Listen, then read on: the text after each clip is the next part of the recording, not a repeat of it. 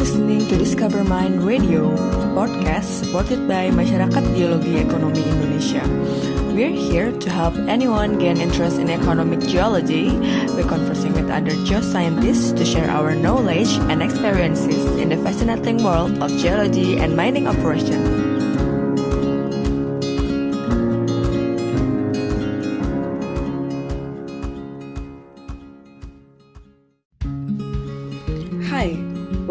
To Discover Mind Radio. I'm your host Renanda, and we're going to talk about geochemical data in mineral explorations with Putra Sadikin. In this episode, Putra talks about the use of software for multi-element geochemistry, tips and tricks on working with geochemical data, and future challenges for the software companies.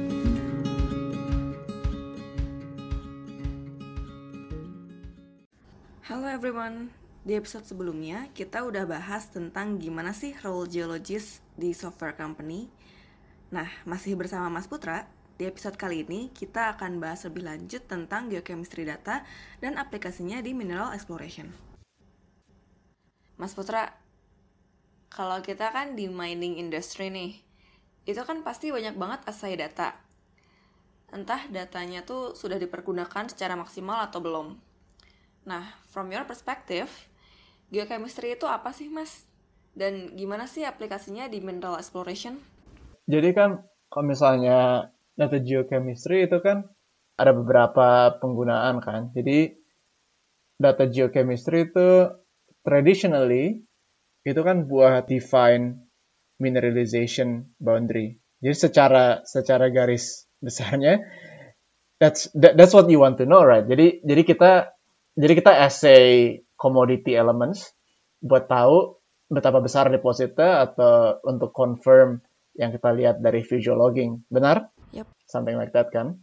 Dan itu walaupun itu the original intention of geochemistry data, ujung-ujungnya itu transition jadi something yang lebih menarik dari penggunaannya. Karena after a while people start to realize kalau beberapa elemen itu bisa digunakan sebagai pathfinder. Jadi karena kalau kalau misalnya analisa gold itu kan harus fire assay, preparationnya kan beda kan.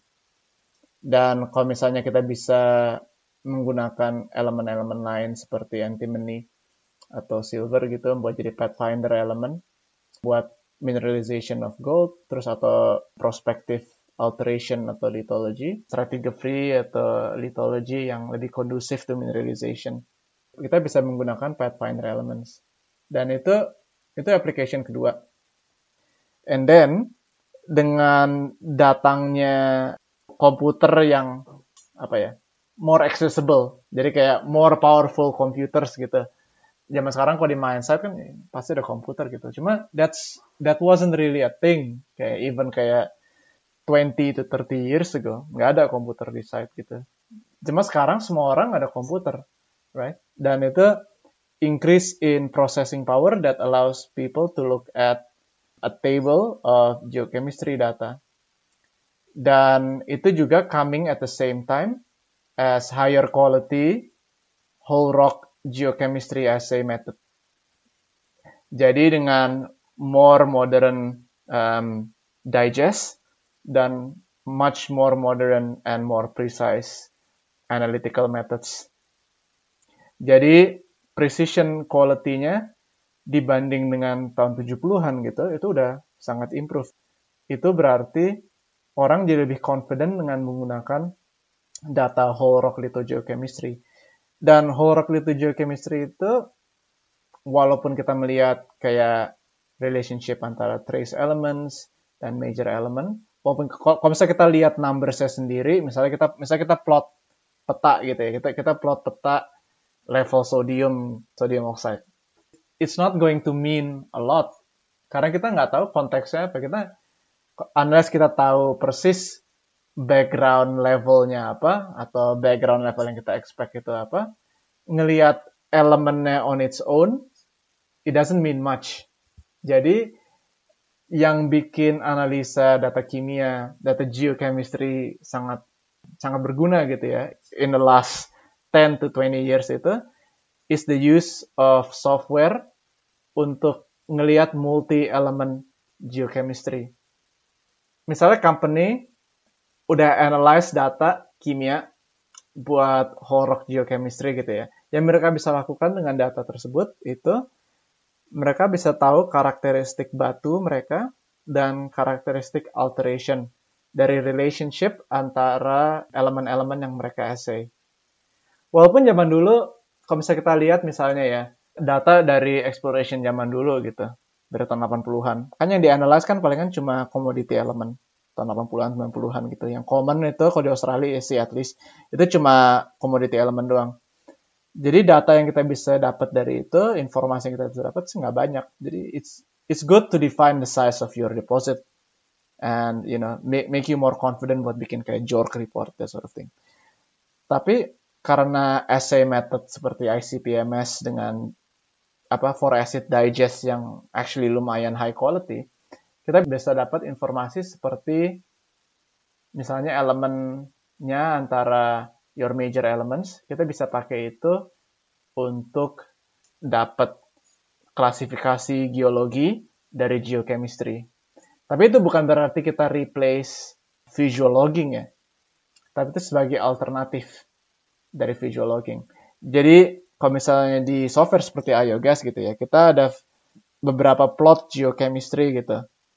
Dan plot-plot geochemistry ini udah ada available di scientific papers di journal articles. Jadi mereka itu dibikin dengan assumption kalau bakalan work on certain types of deposit. Misalnya untuk porphyry exploration gitu. Jadi kita melihat relationship antara potasium, aluminium, sodium, aluminium. Kita lihat molar ratio-nya itu. Dan kita lihat molar ratio tiga elemen ini untuk quantify alteration. Jadi kita bisa quantify alteration uh, dengan in conjunction with visual logging. Nah, ini aplikasi yang actually gak banyak orang tahu karena misalnya situ lihat batu yang altered gitu ya. Do you know how much that rock is altered gitu.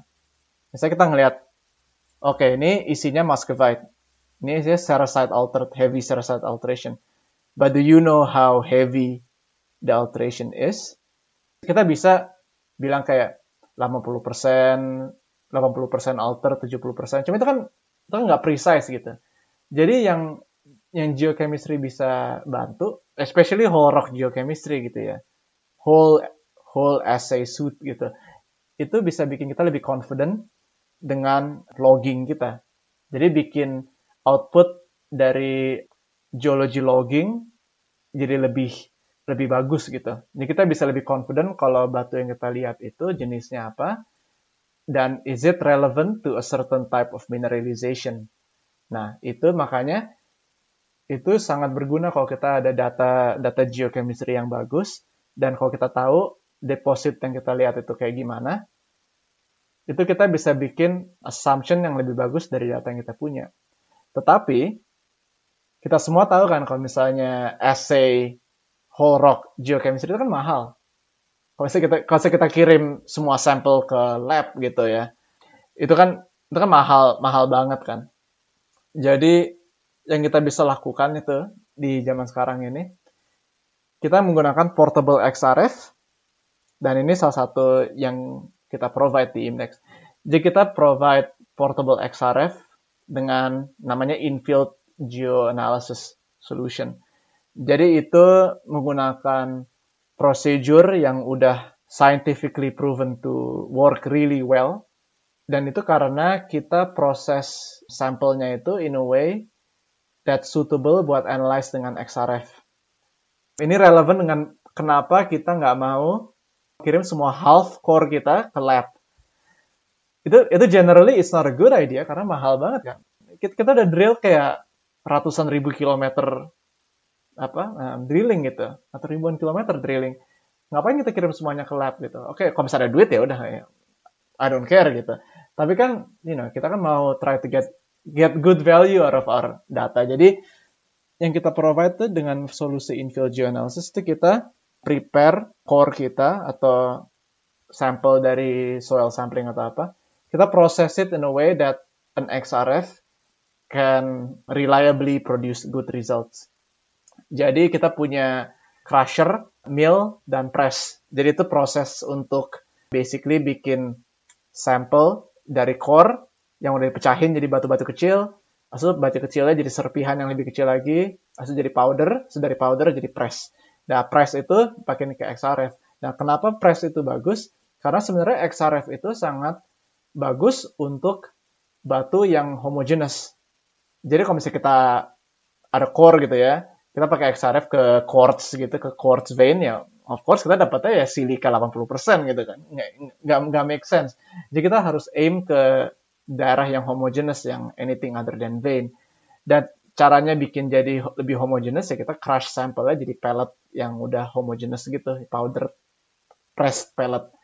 Dan benefitnya kita menggunakan XRF dengan cara begitu, itu berarti kita bisa menggunakan XRF untuk at least cari tahu batu-batu atau interval yang kita bisa kirim ke lab untuk whole rock geochemistry. Dah, jadinya kita lihat interval yang kita mau investigate lebih lanjut dengan detailed geochemistry. Karena kalau kita punya data geochemistry yang sangat detailed, untuk interval yang kita tertarik, kita bisa constrain the geological history of a deposit. Dan kalau kita tahu geological history of a deposit, kita bisa jadi lebih confident untuk tahu bagian mana yang sangat kondusif untuk mineralization. Dan kalau kita confident dengan itu, berarti higher confidence in the resource that we're reporting. And dari perspektif investor, mereka bakalan lebih senang untuk lihat mereka udah company ini udah do really good due diligence on understanding their deposit. Jadi mereka nggak hanya asal klaim kalau deposit ini mirip dengan deposit ini. Karena mereka udah do their research, mereka udah tahu geology of the rocks, and mereka confident that maybe deposit ini is not just local gitu. Jadi mungkin ada deposit lain around the other um, apa buat buat brownfield ada potensial lebih lanjut gitu. Nah, a good geochemical survey program allows you to expand the pie istilahnya. Jadi kayak you you can expand um, the size of um, what you will report to the market gitu. Jadi ya istilahnya increase confidence of what you will work on in the future as a mining company. Dan ini dari perspektif mining company gitu. Dan yang bikin software seperti IOGAS bagus dan software-software mining itu bagus. Itu kita bikin mining companies lebih efficient in uh, getting good value out of their data. Tapi kalau buat data data kimia kita lebih rigorous sih. Dan ini yang aku harus emphasize. Kita kita nggak bisa bikin assumption bagus dari data uh, geochemistry kita kalau kita nggak confident sama lab yang kita kirim sampel kita itu. Jadi QA/QC itu sangat penting dari labnya dan kita juga harus tahu kalau misalnya elemen-elemen yang kita suruh mereka analyze itu elemen yang actually kita mau dan relevant dengan deposit yang kira-kira kita lagi exploring gitu. Oke, okay, so geochemical data is helping us to understand our deposits better karena dia akan mendukung data visual logging kita dalam bentuk angka yang kuantitatif. Gitu kan Mas ya? Tapi kan kita juga tahu nih Mas kalau data tuh datangnya bisa dari berbagai macam source. Ada yang direct measurement, ada juga yang dari hasil lab work. Let's say nih, misalnya kita punya data direct measurement dari hasil logging atau ASD atau enggak XRF Nah, tapi kan ada juga nih data kita yang dari hasil lab work. E, misalnya kita mau essay gitu. Ada yang dari berbagai macam digest method, ada yang dari fire assay, ada yang aquarigia, ada yang for acid atau enggak lithium borate gitu digestnya. Yang nantinya akan berhubungan sama lab work kan itu. Nah, kalau misalnya dari case yang tadi diceritain sama Mas Putra, itu kan nggak semua pakai lab work ya Mas. Ada yang sebagian pakai XRF. Itu gimana sih Mas cara combine datanya? Karena kan nggak dalam satu frame yang sama. Kayak beda treatment atau let's say sama-sama lab work tapi dikirim ke beda lab aja tuh bisa beda standarnya. Itu gimana sih mas kalau kita mau pakai datanya tapi itu treatmentnya beda? Ini sebenarnya masalahnya ada dua. Jadi yang satu itu yang pertama beda interval. Nah itu maksud saya beda interval itu kalau misalnya buat method XRF yang dianalisa tuh cuma dengan spot. Ya kita nggak pakai pellet ya, kita cuma pakai kayak pistol aja gitu, kita todong aja ke bagian core. Itu kan obviously kan nggak kayak nggak kayak assay di laboratorium gitu kan, nggak kayak di lab kan. Kalau di lab kan bisa dibilang homogeneous average of an interval. Tapi kalau XRF scan itu kan berarti cuma satu cm dari interval of satu meter. Nah, itu sendiri udah sangat bias karena you're not looking at the same thing. You're, you're looking at a very different interval. Itu masalah satu. Dan masalah kedua, kalau misalnya kita ada dari interval yang sama even, dan metodenya beda, itu tergantung digest yang kita lihat, dan dan actual rocks that you're looking at. Karena kan kalau misalnya kita mau ngincer misalnya titanium gitu atau zirconium. Dan dua elemen itu kalau misalnya tidak bisa didigest dengan baik, jadi dia tergantung um, elemen itu di host di mineral apa, like in all likelihood. Jadi kita harus actually lihat mungkin dengan thin section atau dengan uh, mikroskop gitu ya. Kira-kira mineralnya ada apa aja. Dan kalau misalnya kita ngincer elemen tertentu yang di host oleh mineral tertentu. Dan kalau misalnya kita nggak yakin digestnya apa, kita mungkin bisa cari method yang digest methodnya lebih cocok untuk mineral tersebut. Jadi intinya tuh kita harus tahu the geology of what we're looking at itu satu. Jadi kita harus tahu elemen apa yang berguna untuk cari deposit tersebut atau geology setting yang kita ngincer. Misalnya kita cari Carlin type deposit gitu kan. So kita tahu elemen yang benefit untuk cari Carlin type deposit itu antimony, silver, lead, zinc. Terus kalau misalnya kita cari elemen-elemen itu, kita harus cari tahu elemen-elemen itu di host di mineral apa. Dan kita harus cari tahu kalau mineral itu even bakal di digest nggak dengan digestion method yang kita mencari. Jadi kita harus cari tahu kalau misalnya kita ada beberapa dari lab yang berbeda terus dengan metode yang sama gitu ya kita harus do our due diligence of knowing which lab is better for which method gitu. Dan kalau misalnya intervalnya beda itu masalahnya udah itu itu lumayan susah sih. Itu itu cara combine dua interval yang berbeda jadi satu itu ada beberapa cara. Dan salah satunya tuh namanya max overlap gitu. Jadi kita cari overlapping yang lebih maksimal sih kita join ke situ. Tapi itu itu udah mulai ngomongin tentang database gitu-gitu sih. Jadi itu lumayan itu lumayan kompleks. It's, it's it's a complex topic in its own dan itu kan it can introduce bias ke interpretation data. Jadi kalau saya mau combine gitu, it's an it's it's really hard. It's it's it's really hard. Jadi kalau saya mau do apa geochemistry study gitu ya. Kalau misalnya pakai satu method aja dan intervalnya udah set, is the easiest way to start. Tapi kalau udah mau combine beberapa different data type, misalnya mau combine ASD, mau terus mau combine geochemistry, terus dengan beberapa metode dengan SRF sama lab data, terus at the same time mau combine visual logging juga di satu database gitu, so intervalnya beda semua, itu itu susah, itu um, itu sangat challenging dan nggak ada cara yang benar untuk duit tergantung konteks dan uh, apa yang mau di achieve Berarti kalau gitu, at first before we're working with the data, kita harus tahu dulu itu historicalnya datanya diambilnya gimana.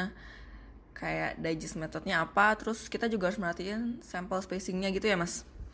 Mm -mm, iya benar. Dan dan juga kayak kalau misalnya sample spacing, kalau regular sample spacing kan lebih bagus gitu ya, karena kan kita kalau misalnya kita mau do apa downhole logging gitu kita mau compare between drill holes yang berjejeran gitu kalau intervalnya sama kan lebih gampang gitu kan istilahnya. Tapi ada ada juga situasi kalau misalnya kita mau analyze interval yang lebih tipis gitu. Karena pergantian antara jenis bebatuannya itu beda-beda. Alteration and lithology. Iya, benar. Nah, jadi kalau misalnya kita mau cek alteration ini dan kalau misalnya alterationnya emang tipis banget lapisannya gitu ya udah kita intervalnya lebih kecilin. Tapi kan itu itu tergantung uh, tergantung keinginan dan tergantung aplikasinya dan konteksnya. Kalau misalnya nih mas aku pernah ikut training on how to work with your chemistry data. Pas aku dibimbing sama trainernya aku bisa ngikutin step-stepnya. Tapi kan beda data tuh beda approachment ya. Dan kayak kalau misalnya aku mau ngerjain lagi pakai data yang aku punya it's like I don't think I can do the same thing again Mas Putra punya tips and tricks nggak kalau misalnya kita mau dealing with geochemistry data tuh harusnya gimana? Let's say gini, menurutku data itu tricky karena garbage in, garbage out. Gimana kalau seandainya kita tuh ternyata working sama data yang ternyata datanya emang nggak bagus gitu loh? Or in another case, ketika datanya terlalu banyak, erratic gitu. What should we do? Do you think we need to set our purpose first before we start? Kayak, oh aku merasa ini ada indikasi porfiri nih, jadi aku akan coba drive analisisnya ke arah tersebut gitu. Atau ya just go on without purpose and see what we can get when we analyze the data. Kebayang nggak mas maksudku gimana? Hmm, bisa bayang sih. Jadi kayak, jadi pertanyaan pertama itu kan garbage in, garbage out. Dan itu tuh, itu apply on not just geochemistry data, cuma kayak any type of data from even kayak visual logging aja gitu can produce garbage data kan. Jadi kayak pasti kan Mbak pernah pengalaman kalau di field misalnya ada geologist yang misalnya baru atau apa gitu ya. Terus logging yang mereka pakai code tuh kayak nggak jelas gitu. Misalnya describe batunya kayak super sangat vague gitu atau atau atau nggak atau beda banget sama yang how other people describe. Terus itu sama aja kayak geochemistry. Cuma mungkin kok geochemistry is I guess is even is even worse karena beberapa nightmare data yang yang aku pernah lihat gitu ya. Misalnya di analyze cuma dengan metodenya itu banyak yang below detection limit gitu. Terus bagaimana cara approach-nya? Dan itu juga sangat kompleks karena pas below detection limit kita harus tahu kenapa below detection limit in the first place apakah itu emang karena nggak ada atau emang kita bisa replace dengan detection limitnya tersebut tapi bagi dua gitu. Jadi lowest lowest half positive of the detection limit. Itu itu satu cara. Cuma mungkin ada juga orang yang mau replace itu dengan metode-metode lain. Jadi ada misalnya replace dengan ada metode namanya regression tree replacement gitu buat below detection limit. Cuma itu itu tergantung apa arti below detection limit dan itu itu maksudnya dengan garbage data. Misalnya ada data yang missing atau below detection limit kita harus tahu konteksnya kenapa datanya missing atau jelek in the first place. Baru kita bisa proceed. Dan kalau misalnya kita udah dapet datanya dengan kondisi bagus. Jadi kita assume data yang kita dapat tuh kualitinya top top banget gitu. Dan ada ada essay data buat semua interval, intervalnya bagus, terus metadatanya juga bagus. Terus how to proceed. Nah, kita kan geologis dan kita tuh harus approach ngelihat data geochemistry as a geologist. Nah, what, what does that mean? Itu berarti kita harus go back to the basics. Jadi kadang-kadang justru plot-plot yang sangat simple aja yang bisa bikin a difference in how you look at your geochemistry data gitu. Jadi kalau misalnya kita tahu kalau relationship antara ratio titanium zirconium dengan chromium gitu. Itu kita bisa menggunakan itu untuk cari apakah batu-batu yang kita lihat antara felsic dan mafic. Untuk certain deposit types itu udah good enough untuk cari tahu strategi yang prospektif yang kita bisa eksplor lebih lanjut. Karena kan gunanya geochemistry kan in the end of the day kan bantu geologis jadi lebih confident dengan geologi mereka kan dengan geology of the site that they're working on of the of the rocks that they're looking at. Jadi the ultimate end goal is to be more confident in your classification of your rock. Jadi misalnya kita mau, kita misalnya di field gitu ya. Asal kita lihat di deposit epithermal ini, deposit porphyry gitu ya. Terus misalnya yang kita suspek kalau dari interval-interval ini di beberapa drill hole yang berjajaran, kita assume ada interval ini yang kira-kira kok kelihatannya kayak dike gitu. A structurally controlled dike. Terus kalau misalnya kita lihat dengan mata sendiri karena udah sangat altered gitu. Kan nggak kelihatan kayak lithology yang beda dengan base lithology karena karena alteration yang terlalu pervasive kita nggak bisa ngelihat the original rock. Yang geochemistry bisa bantu itu kita bisa ngelihat protolithnya gitu. Jadi kita bisa lihat beyond alteration dan itu satu application aja jadi ngelihat lithology behind alteration atau characterization of alteration in front of lithology kalau misalnya kita ngelihat batu semuanya warnanya hijau. Tapi sebenarnya hijaunya itu beda. Jadi ada yang hijau yang related to a muscovite that's more conducive buat mineralization style tertentu di deposit ini. Dan ada yang alteration, yang barren. Ya alteration doang, cuma nggak related to mineralization. Dan yang bikin dua itu beda adalah elevated level of trace elements. Mis misalnya yang alteration yang associated with maupun sama-sama hijau, Cuma yang hijau yang kita tahu ada mineralization itu. Dan ini kita assuming mineralizationnya yang super fine grain ya, yang nggak kelihatan banget gitu dengan mata. Jadi walaupun sama-sama hijau, cuma yang bikin beda itu cuma elevated amount of kayak fluorine atau trace elements lain gitu. Dan ya istilahnya kalau misalnya kita ngelihat data geochemistry, apalagi datanya banyak banget gitu, itu it's good to come back to what you know as a geologist and and what you want to uh, what, what you want to achieve out of looking at your geochemistry data. Jadi kayak apakah kita mau constrain geological model kita dengan data kimia atau kita mau define an alteration boundary gitu. Bisa kita ngeliat satu deposit. Dan application itu banyak sekali. Jadi kita bisa menggunakan geochemistry buat define apakah deposit kita structurally controlled. Saya kan, kalau misalnya kita ngelihat uh, dari beberapa deposit kan ada ada beberapa deposit yang structural controlnya is actually associated with elevated amount of certain elements gitu. karena elemennya kebawa dari faultnya gitu kan dan sort of application gitu dia tergantung mau apa yang dicari dari jadi basically come back to the geology and use that to inform what you intend to do with your geochemistry data dan ideally itu dilakukan sebelum organize kirim data ke lab karena kita mau tahu elemen yang kita mau cari apa. So that we can choose which digest method do we need to proceed. Mm -mm. Iya benar. Mm -mm. Jadi kan kalau misalnya kita lihat a volcanic hosted deposit gitu. Asal kalau kalau ternyata yang kita pingin tuh sebenarnya hanya free control di deposit ini karena semuanya volcanic, cuma certain certain volcanic layer, certain volcanic unit it's more conducive to hosting karena kan mungkin sin genetik atau apa gitu lah. Jadi certain volcanic unit is more conducive. Jadi sebenarnya kita nggak perlu whole rock assay, kita hanya pakai XRF aja kita cari todong, cari elemen titanium, zirconium, sama chromium. Gitu aja kita udah bisa characterize stratigraphy dengan itu. Nggak perlu whole rock kayak gitu. Jadi tergantung tergantung aplikasi.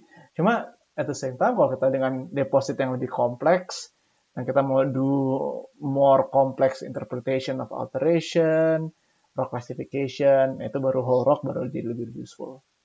Nah, kan misalnya kita lihat data kan dengan ratio, trend, and when we work with data, how do we recognize which one is a signal as good anomalies and which one is the noise? itu harus tahu backgroundnya dulu sih. Jadi expected background level di daerah itu kayak gimana.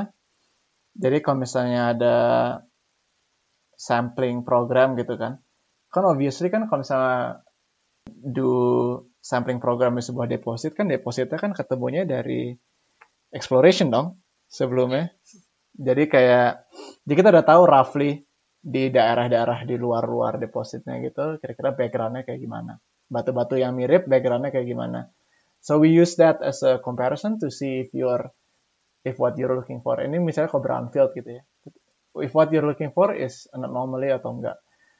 Tapi kalau misalnya kayak di software kayak IOGAS gitu, kita kan provide information on rock standards namanya. Jadi itu assay information on a typical deposit of a, of a deposit type gitu. Jadi itu bisa dibilang kayak background level atau reference level buat certain types of deposit atau background level for a certain rock type.